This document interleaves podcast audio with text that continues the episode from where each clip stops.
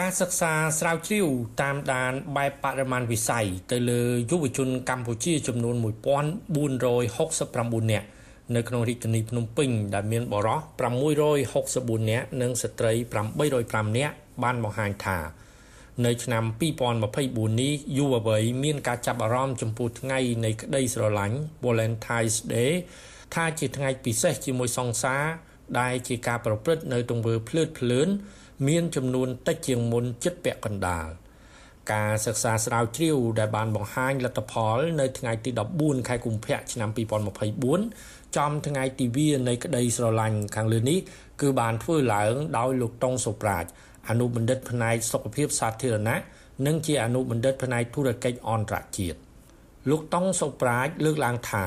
នៅក្នុងឆ្នាំ2024នេះ យុវជនមានការចាប់អារម្មណ៍លើប៉ុននៃក្តីស្រឡាញ់តិចជាងមុនពាក់កណ្ដាលដែលនាំឲ្យយុវវ័យដែលអាចនឹងរួមភេទនៅថ្ងៃនៃក្តីស្រឡាញ់ក៏មានការថយចុះ5ដង បើប្រៀបធៀបទៅនឹងការសិក្សាកាលពី15ឆ្នាំមុនជាមួយគ្នានេះអ្នកសិក្សាស្រាវជ្រាវដដែលលើកឡើងថាយុវជនចេញក្រៅដើរលេងនៅថ្ងៃបុណ្យនៃក្តីស្រឡាញ់ថ្ងៃ14កុម្ភៈគឺភាគច្រើនពួកគេទៅលេងនៅផ្សារទំនើបនិងទៅមើលកុន ខណៈដែលកាលពីមុនកន្លែងដែលពេញនិយមសម្រាប់យុវជនកម្ពុជានៅថ្ងៃ14កុម្ភៈនេះគឺខារ៉ាអូខេនៅបាក់ខែងគៀនស្វាយនៅកោះដាច់និងចូលផ្ទះសំណាក់ឬក៏ចូលសន្តាគារជាដើម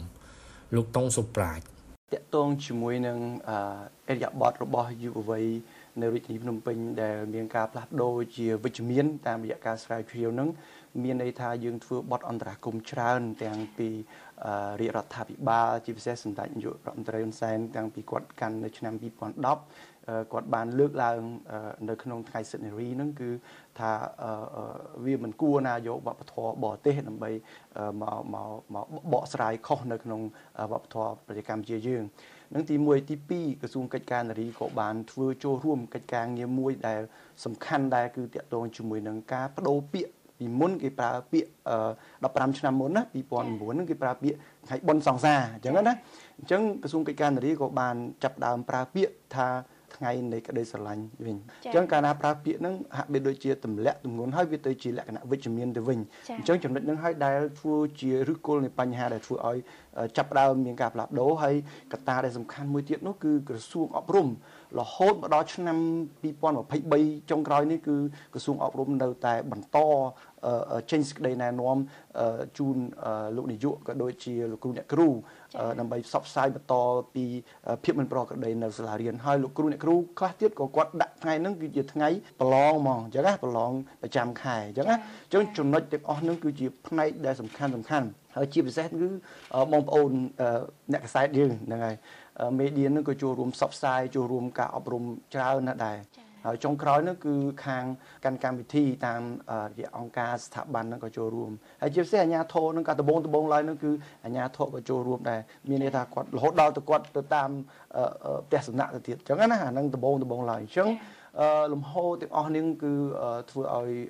កត្តាដែលចូលរួម មានន័យថាយើងធ្វើអន្តរាគមទាំងអស់គ្នា របាយការណ៍ដដែលបង្ហាញថាការទិញវត្ថុអនុស្សាវរីយ៍កាដូនិងផ្កាសម្រាប់យុវវ័យមានគូសង្សារក៏ដូចជាការទិញផ្កានិងកាដូជូនអ្នកជាទីស្រឡាញ់ឪពុកម្ដាយបងប្អូននិងមិត្តភ័ក្តិជាដើមនោះគឺមានការកើនឡើង ដូចជាទិញខោអាវតុក្កតានិងគ្រឿងអលង្ការ ឬក៏ជួបជុំញ៉ាំអាហារជាដើម ទីតាំងលក់ផ្កានៅក្នុងរាជធានីភ្នំពេញមានច្រើននិងលក់ដាច់ច្រើនចាប់តាំងពីថ្ងៃទី13ខែកុម្ភៈសម្រាប់ថ្ងៃប្រារព្ធទិវានៃបុណ្យក្តីស្រឡាញ់បុណ្យក្តីស្រឡាញ់គឺថាមានភ្ញៀវកំងតាមទូរស័ព្ទភ្ញៀវដែលថាគាត់ទៅបញ្ចូលធ្វើការ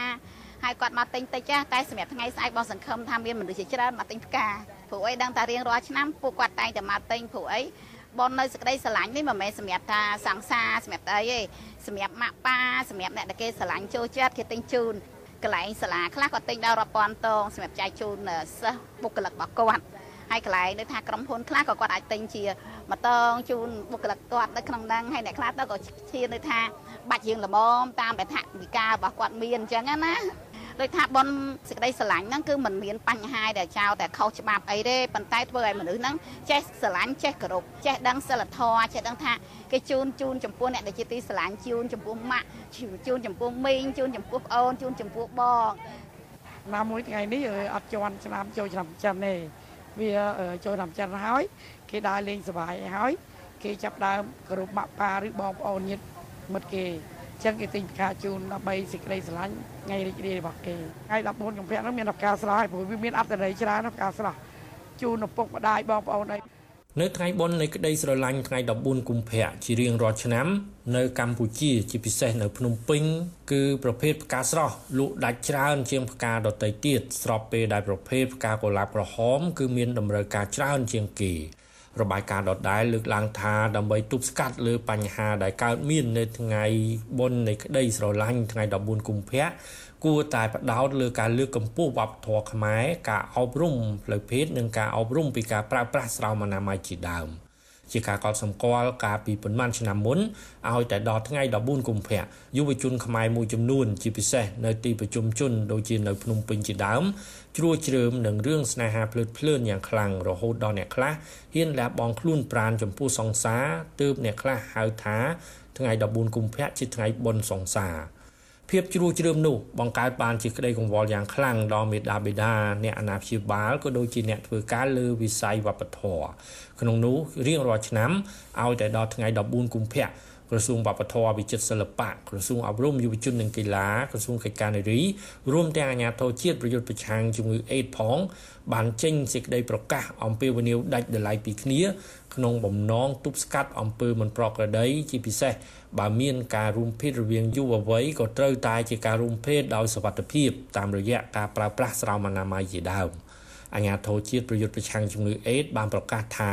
ជារៀងរាល់ឆ្នាំប្រជាពលរដ្ឋកម្ពុជាមួយចំនួន ជាពិសេសយុវវ័យបាននិយមយកថ្ងៃ14កុម្ភៈជាទិវានៃក្តីស្រឡាញ់និងយកថ្ងៃនេះបង្ហាញនៅមនោសញ្ចេតនាសេចក្តីស្នេហារហូតដល់អាចមានសកម្មភាពរួមភេទដែលប្រឆាចនៅប្រពៃណីទំនៀមទម្លាប់ខ្មែរយើង និងអាចប៉ះពាល់ដល់សុខភាពផ្ទាល់ខ្លួនផងដែរ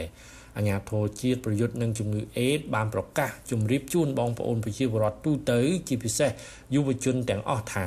មកដល់ពេលបច្ចុប្បន្ននេះការឆ្លងរីករាលដាលមេរោគអេដនៅកំពុងបន្តកើតមានក្នុងចំណោមក្រុមប្រជាជនកន្លឹះជាពិសេសក្រុមយុវជនបរោះរួមភេទជាមួយបរោះតាមការប៉ាន់ស្មាននៅឆ្នាំ2023កន្លងមកនៅកម្ពុជា មានអ្នកផ្ទុកមេរោគអេដមានចំនួនប្រមាណ76000នាក់ អ្នកឆ្លងមេរោគអេដថ្មីមានប្រមាណ1400នាក់នៅក្នុងមួយឆ្នាំ ឬស្មើប្រមាណ4នាក់ក្នុងមួយថ្ងៃក្នុងចំណោមអ្នកឆ្លងមេរោគអេដថ្មីប្រមាណ42%គឺជាយុវវ័យដែលមានអាយុចន្លោះពី15ទៅ24ឆ្នាំនេះបើតាមការបញ្ជាក់បន្ថែមរបស់អាជ្ញាធរជាតិប្រយុទ្ធប្រឆាំងជំងឺអេដខ្ញុំបាទមេងផល្លា SBS ខ្មែររាយការណ៍ពីរាជធានីភ្នំពេញ